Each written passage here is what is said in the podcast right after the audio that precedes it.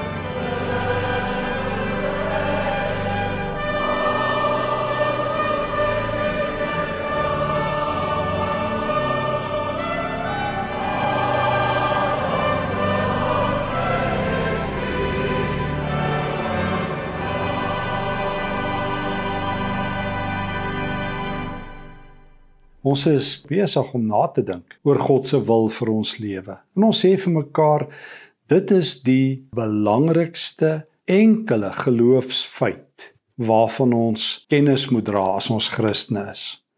Dit is nie goed genoeg om te sê God het 'n plan vir jou lewe en jy weet nie wat dit is nie. Dit is so goed soos om 30 jaar getrou te wees en nie 'n idee te hê waaroor 'n huwelik gaan nie of vir 40 jaar by 'n werk te werk en niemand weet hoekom werk jy daar nie. Dis nog erger as 'n mens dit sê nadat jy 66 openbarende boeke het wat God se wil en sy plan openbaar. God se wil is nie 'n geheim nie. Ja, God se wil is groter en meer as wat ons verstaan, maar is definitief nie anderster as wat ons weet en dink en glo nie. God se wil is kenbaar en dit is geopenbaar. Die twee groot tekste waar Paulus heel eerste in Kolossense 1 vertel, hy's aangestel om God se geheim bekend te maak en die geheim is Christus en Christus is in julle. En ons het deur Jesus gehoor in Johannes 6 vers 39 tot 40 waar hy twee keer sê dit is die wil van God dat Jesus gekom het om ewige lewe te gee dat hy niemand sal verloor aan wie hy die lewe gee nie en dat hy ons sal opwek op die laaste dag. Daar het jy dit. God se wil is God se wil is God se wil in Christus. God se wil gaan nie in die eerste plek oor ons nie. Dis die gemors, kan ek dit maar so sterk sê, wat die kerk deur die eeue aangevang het. Ons het God se wil verander in God se wil vir my lewe. En uiteindelik het ons met sulke vrae gesit soos nou wat is God se wil as iemand doodgaan onverwags of as iemand kanker kry of as ek moet immigreer of as ek moet trou. So ons het God se wil episodies gemaak as daar sekere episodes in ons lewe gebeur, dan wil ons weet wat is God se wil. Maar as daar nie episodes is nie, krisisse is nie, dan gaan ons maar aan. En juis wanneer ons sulke krisisse kom, dan het ons nou nie mooi geweet wat is God se wil nie. Maar as jy weet God se wil is Christus, dan is dit reg deur jou lewe waar of jy langs 'n groen weiveld stap en of jy deur 'n donker diep dal gaan. God se wil is konstant, Christus. Maar dit is ook so dat God se wil bedoel is dat jy en ek binne in sy wil moet lewe. En daarom is daar 'n klompie, kan ek maar sê, spelreëls of riglyne, ten minste 4 baie belangrik is. Daar's meer, maar ek dink ek het die 4 belangrikste in die Nuwe Testament uitgehaal hoe jy nou lewe in Christus in sy wil. Die belangrikste tekste wat oor God se wil handel vir Christene. En ek begin by 2 Korintiërs 8 vers 1 tot 5. Wees vrygewig. Paulus vertel in 2 Korintiërs 8 hoe Christene moet lewe en hy vertel vir ons vers 9. Julle ken die goedheid en die genade van ons Here Jesus Christus. Hy wat van ewigheid af skatryk is, het dit alles prysgegee. Hy het dit gedoen ter wille van julle. Hy het dit gedoen sodat julle ryklik geseën kan word deur hom. Nou Christus het arm geword, bedoelende mens en ons ryk gemaak. Hy het gegee. En nou is dit die volgende logiese ding wat Paulus vertel wanneer hy praat oor hoe Christene moet lewe teenoor mekaar. As jy sien een Christen kry swaar of mense kry swaar, dan kom Paulus in 2 Korintiërs 8 vers 1 tot 5 en hy sê hier's die eerste huisreël vir 'n Christen: wees vrygewig. Hoe? Soos Jesus. Hoe het Jesus dit gedoen? Hy het homself gegee. Dis kom die Nuwe Testament nie eintlik meer skryf oor tiendes nie. Dis nog 'n Ou Testamentiese kultiese gebruik. In die Nuwe Testament is Christus ons wil. En wat gee Christus? Alles. Nou vertel Paulus in 2 Korintiërs 8 vers 1 tot 5 van die Macedoniese Christene. Dis die gemeentes in die Romeinse provinsie van Macedonië. Ons ken daai gemeentes Filippi, Tessalonika, Berea. Nou vertel Paulus in vers 1 tot 5 2 Korintiërs 8. My liewe geloofsfamilie, ek wil julle graag vertel hoe goed en genadig God is vir al die geloofsgemeenskappe in Macedonië. Hulle het baie swaar gely vir hulle geloof. Nogtans het hulle vreugde hulle lewens uit alle kante oorstroom. Hulle het die ergste denkbare armoede beleef. Nogtans was hulle skatryk in vrygewigheid. Hulle bereidheid om hulle besittings te deel het geen perke geken nie. Ek kan getuig dat hulle weggegee het wat hulle kon. Hulle het selfs meer weggegee as wat hulle kon bekostig. Hulle het dit vrywillig gedoen. Oor en oor het hulle ons gesmeek om deel te mag hê in hierdie voorreg om geld by te dra vir die liefdesdiens vir die heiliges in Jerusalem. Hulle het dit gedoen op 'n manier wat ons verras het. Nog voordat hulle hulle geld gegee het, het hulle hulle self heel eerste aan die Here gegee. Hierna het hulle hulle self ook aan ons gegee. Presies so gebeur God se wil. Ons praat oor God se wil. God se wil is Christus en uit Christus leef 'n Christen. 'n Christen leef soos Christus. Ons leef soos wat C.S. Lewis gesê het, ons beleef 'n good infection en ons is kleiner weergawe van Christus, ons boots Jesus na. Ons leef soos hy toe hy op aarde was. Hy het homself gegee. Die Macedoniërs het dit reg gekry. Toe hulle hoor hoe arm die Christene daar in Jerusalem is, het hulle hulle self gegee en toe hulle besittings. Hulle is vrygewig. Hoor jy nou, God se wil wanneer 'n Christen daaruit lewe het niks in die eerste plek te doen waar bly ek, wat ry ek, wat kry ek, wat se werk doen ek, met wie trou ek, kom gebeur kanker nie. Dis 'n leefwyse van ek gee myself of ek min het of baie, of ek hier bly of daar, of ek kanker het of ek gesond is. My lewe is een van vrygewigheid. Ek gee myself. Die kerk het dit tot geld omgedraai. Ek gee myself soos die Macedoniërs wat weer by Jesus geleer het. En ons leer by hulle en by Paulus. Ons gee onsself altyd. Wanneer ek suiwig is met my tyd, my talente, my geld, my bydraes, my menswees, steel ek by die Here. Wanneer ek myself opoffer, my tyd, my talente, my vaardighede, my kennis, my rande, my sente, leer ek by Jesus, doen ek sy wil. Dus al lê ek op 'n siekbed, kan ek iets gee.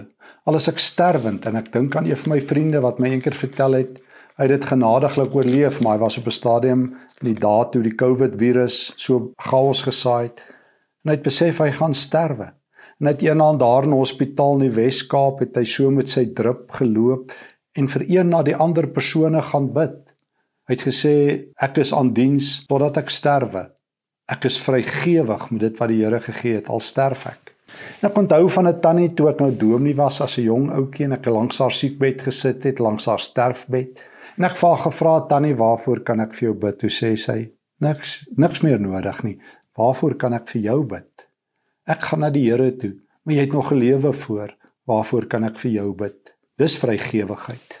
Maar vrygewigheid is ook Handelinge 20 toe Paulus vir die mense gesê het ek het die volle raadsplan van God aan julle bekend gemaak het Paulus ook gesê ek het by die Here Jesus geleer dis beter om te gee as om te ontvang daarom as jy buite God se wil klaar en as ek buite God se wil as ons synig lewe vroeër in die week kuier ek saam met 'n pastoor vriend van my en ons sit so en praat en ek hoor uit die bloute terwyl ek en hy praat oor 'n lewe van vrygewigheid vertel hy vir my sommer maar net so van hoe sy gemeente vir 'n ander gemeente 'n klomp geld gegee het sodat hulle kan brood uitdeel en 'n geestelike leier wat nie inkomste het nie. Hulle het sy salaris gaan help betaal. En hy vertel dit vir my asof dit die natuurlikste ding op aarde is. En ek onthou hoe een van my ander vriende gesê het, die probleem is vrygewige Christene lyk deesdae na abnormale Christene. Dit moes andersom gewees het. Synige Christene wat nie weggee nie, wat kyk hoe min hulle kan weggee van hulle self en hulle geld. Hulle is die probleem. Jy's buite God se wil as jy nie vrygewig lewe nie. Maak nie saak waar en hoe en wat en waar nie. Die Here Jesus sê jy moet gee. En daarom is Jesus se heldinne, onthou jy? Daar in Markus 12 vers 41 tot 44 die arm weduwee wat haar laaste sente letterlik in die tempel se skatkis gooi. Dan stop Jesus, dan sê hy dit is God se wil by wyse van spreuke, nuusflits, hemelse nuusflits. Sy het meer gegee as almal as almal of in Markus 14 net daarna die vrou wat die reukolie oor sy hare uitgooi by 'n maaltyd wat 'n paar jaar se inkomste is. Dan klap Jesus hande dan sê hy dis vir hom 'n rolmodel van vrygewigheid. Die ryk vrou en die arm vrou gee wat hulle het meer as wat hulle het soos die Macedoniërs. Presies so gebeur God se wil. Ek is dit nooit geleer nie. Ek het gehoor jy gee maar iets vir die Here En soos jy vir my vriende altyd sê, as jy net 'n tiende gee, het jy minstens nog net nie by God gesteel nie. Maar jy gee jouself. Dis God se wil. Jy is buite God se wil as jy dit nie doen nie. Tweede riglyn of spelreël of huisreël as jy wil oor God se wil, wees heilig. 1 Tessalonisense 4 vers 3. Paulus skryf vir die gemeente in Tessalonika. Hy skryf vir hulle oor die huwelik en oor reinheid. Dan skryf hy vir hulle Hier is die wil van God vir julle lewens. Wees heilig. Leef volkome toegewyd aan hom. Bly weg van enige vorm van seksuele immoraliteit. Wees heilig. Dis God se wil. Nie in die eerste plek waar bly jy? Wat se werk doen jy soos ek gesê het? Met wie moet jy trou? Hoekom gebeur slegte dinge nie? Waar jy ook al bly, met wat ook al met jou gebeur, jy's opgeroep om heilig te leef, altyd afgesonderd. Jy's God se eiendom. God noem Christene heiliges. So begin Paulus al sy briewe, geroepe heiliges in Rome, geroepe heiliges in Korinte. Ons het dit tot 'n skeldnaam gemaak, julle ou klomp heiliges. Alle Christene is heiliges. Ek onthou ek het 'n paar jaar gelede 'n gewoonte gehad om my e-posse vir my vriende te begin heilige so en so, heilige so en so. Want ek wil die punt gemaak het wat Paulus maak, ons is almal heilig. God gee vir ons daardie titel. Dis nie waar soos meeste Christene sê, ag ons is almal maar sondaars nie. Nonsens. Die Nuwe Testament leer dit nie. Die Nuwe Testament leer oor en oor julle is geroepe heiliges. Wees dan heilig. Dis die wil van God. Leef wie jy is. God sê jy's heilig. Leef op God se standaard. Sê nee vir sonde. Sê nee vir verkeerde dinge. Paulus sê vir Timoteus in 1 Timoteus 6 vers 11 en 12: Jy man van God, vlug van hierdie dinge af weg. Dan noem hy geldgierigheid. Dis die enigste afgod wat Jesus ernstig aanspreek. Vandag is die wêreld vol afgode, maar die enkele afgod wat hy by die naam noem is Mammon. Vlug daarvan, wees heilig, sê Paulus. Vlug na God toe. Wees heilig. Dis die wil van God. So, as jy 'n keuse het in jou lewe, waar moet jy bly? Watse werk moet jy doen? Met wie moet jy trou? Heel eerste vraag is nie wat is God se wil in my situasie nie. Die vraag is hoe gaan ek God se wil daarin inlewe? Gaan ek vrygewig wees in my huwelik, in my nuwe beroep? En as ek moet immigreer of as ek moet bly, waar gaan ek meer vrygewig wees? Waar gaan ek meer heiligheid najag? Soek God se heiligheid. Derdens 1 Tessalonisense 5 vers 18 Wees altyd dankbaar. Paulus skryf Vers 18: Wees dankbaar teenoor God. Loof hom in alle omstandighede. Dit is God se wil vir julle wat in Christus glo. Het jy gehoor? Het jy dit regtig gehoor? Dit is die wil van God in Christus, in Christus dat jy dankbaar moet wees. Ek onthou een van my vriende, ek het so bygesit toe eendag vir iemand sê, "Is jy bly?" Die ou sê ja. Hy sê, "Vertel dit vir jou gesig geslag." Maar feit bly blydskap is nie net altyd om met 'n glimlag te loop nie. Mens kan 'n glimlag aanverf. Wees bly in Christus. Dis die normale Christelike lewe.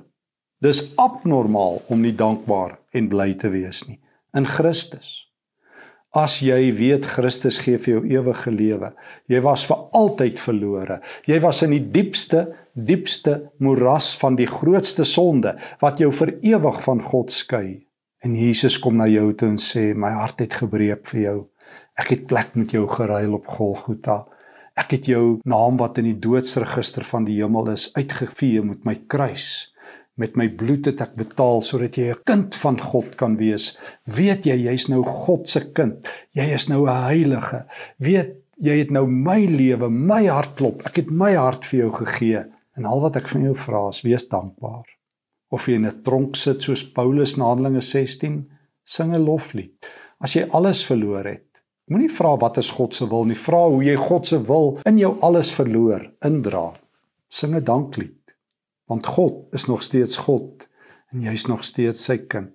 Wees in alle omstandighede dankbaar. Of jy huil en of jy lag, of jy wen en of jy verloor. Dis wat Paulus bedoel in Filippense 4 as hy sê Ons is tot alle dinge in staat deur Christus wat ons krag gee. Hy noem daar ons is in staat om armoede, rykdom, voorspoed, teenspoed te deurstaan. Dit is die wil van God dat ons dankbaar moet wees. Onthou weer 'n keer, ek het dit al so baie vir myself gesê wat C.S. Lewis gesê het. Hy sê meeste Christene weet net genoeg van God af om ondankbaar te wees. Min Christene ken God se wil Dit is die wil van God in Christus dat jy dankbaar moet wees. Miskien is dit presies wat Paulus bedoel in Romeine 14 vers 17, die hartaar van die Christendom. Onthou in God se koninkryk gaan dit nie oor eet en drink nie. Hier gaan dit oor God wat ons vryspreek van sondes. Hier gaan dit oor vrede tussen die Here en ons. Hier gaan dit oor vreugde wat die Heilige Gees uitstort in ons lewe. Soek dankbaarheid. Jaag dit na kyk tot jy Jesus raak kyk by elke ete. Daag dankbaar op. Moenie net vra dat die Here jou elke dag dankbaar moet maak nie. Gryp die dag en vul dit met dankbaarheid. God het jou gebed verhoor. Dit is sy wil. Hy het die Gees aan jou gegee, die Gees van dankbaarheid, die Gees van oorvloed. Wees altyd dankbaar waar jy ook al bly. Die eerste vraag is nie waar moet jy bly nie. Die eerste vraag is is jy dankbaar daar waar jy bly? Enige plek op aarde is 'n lekker plek as jy 'n lekker mens is, sê ek altyd. God se wil of jy in Perth bly of jy in Pretoria bly of jy waar ook al bly, is wees dankbaar. En ek en jy is buite God se wil as ons nie is nie. Ons is buite God se wil as ons nie vrygewig is nie. Ons is buite God se wil as ons nie heilig leef nie. En viertens, blaai ons na 1 Petrus 2. Doen goed dit is die wil van God. Hier is een van die tekste wat my hele lewensloop verander het toe ek dit die eerste keer raak gelees het. In die Griek sê Paulus letterlik: Dit is die wil van God dat jy 'n goeie lewenswandel, 'n goed doen lewe moet leef. Letterlik die Griekse woord, 'n goed doen lewe, 'n doen goed lewe. Hy skrywe in 1 Petrus 2 vers 15: God wil hê letterlik in die Grieks. Dit is God se wil dat julle deur 'n goeie lewenswyse 'n einde sal maak aan al die onkunde wat mense kwytraak wat geen insig in God het nie. Doen goed. Dis God se wil.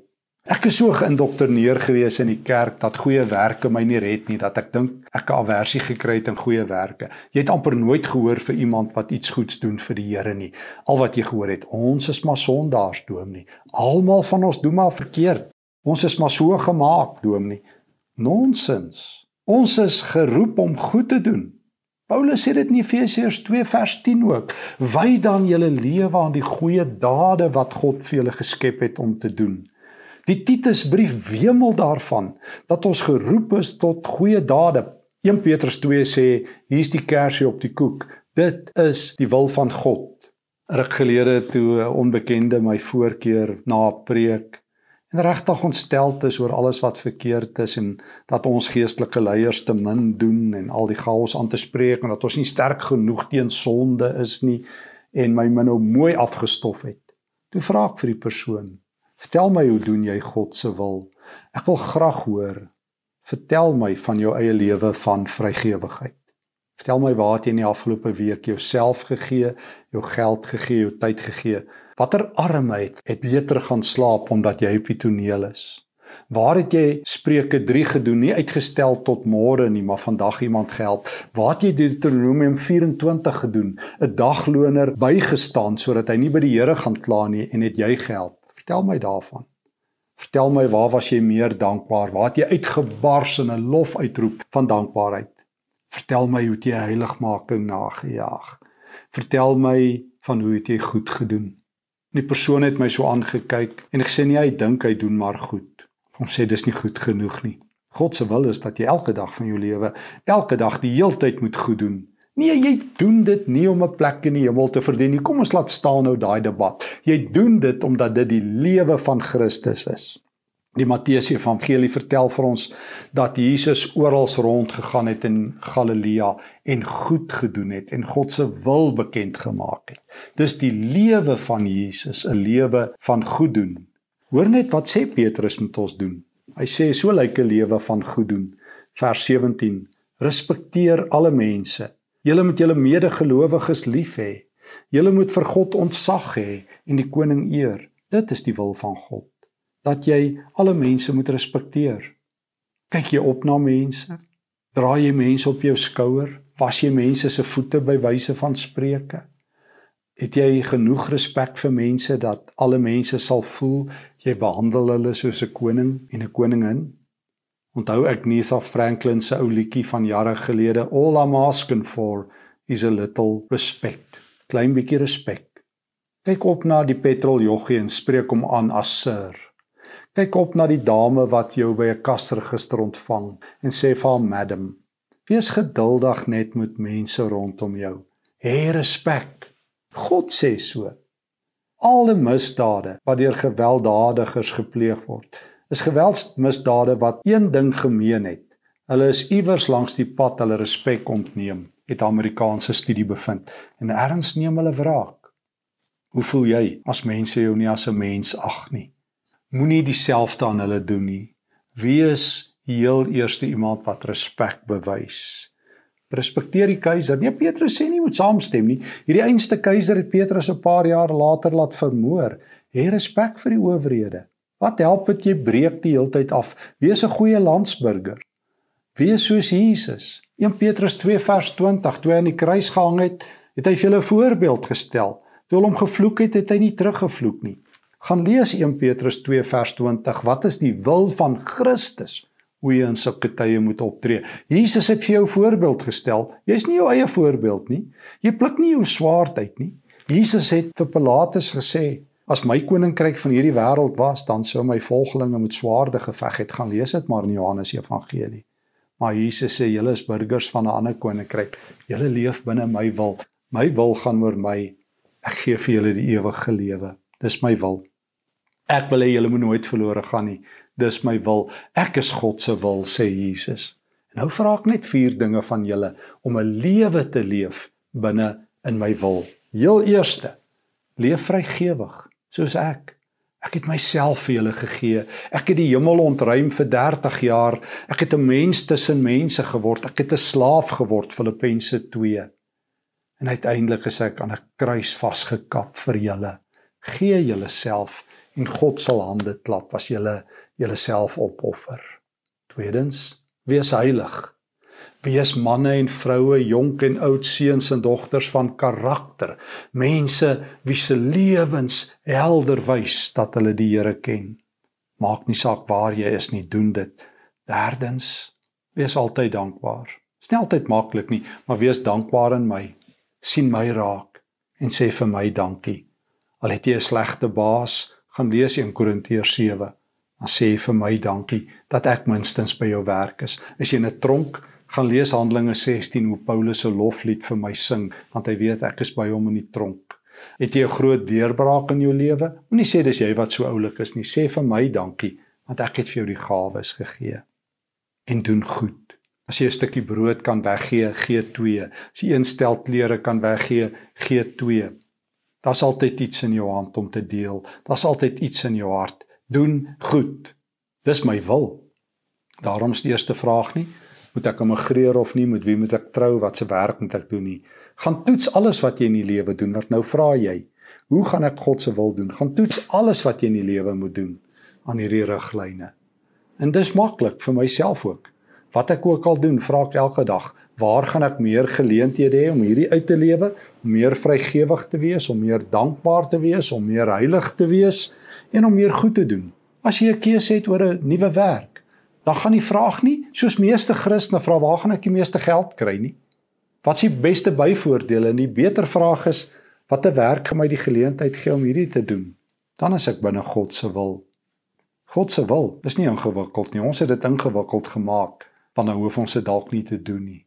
Maar nou is God se wil glashelder in die Bybel vir ons uitgespel. Ons het geen verskoning nie. Jesus sê dis my wil om vir jou die ewige lewe te gee. En wat vra ek van jou? 'n lewe van vrygewigheid, 'n lewe van heiligheid, 'n lewe van dankbaarheid en 'n lewe van goeddoen. Hoor die woord van die Here. Amen. Dankie Here dat U wil bekend is. Leer my om U wil te doen. Leer my om binne U wil te lewe. Amen.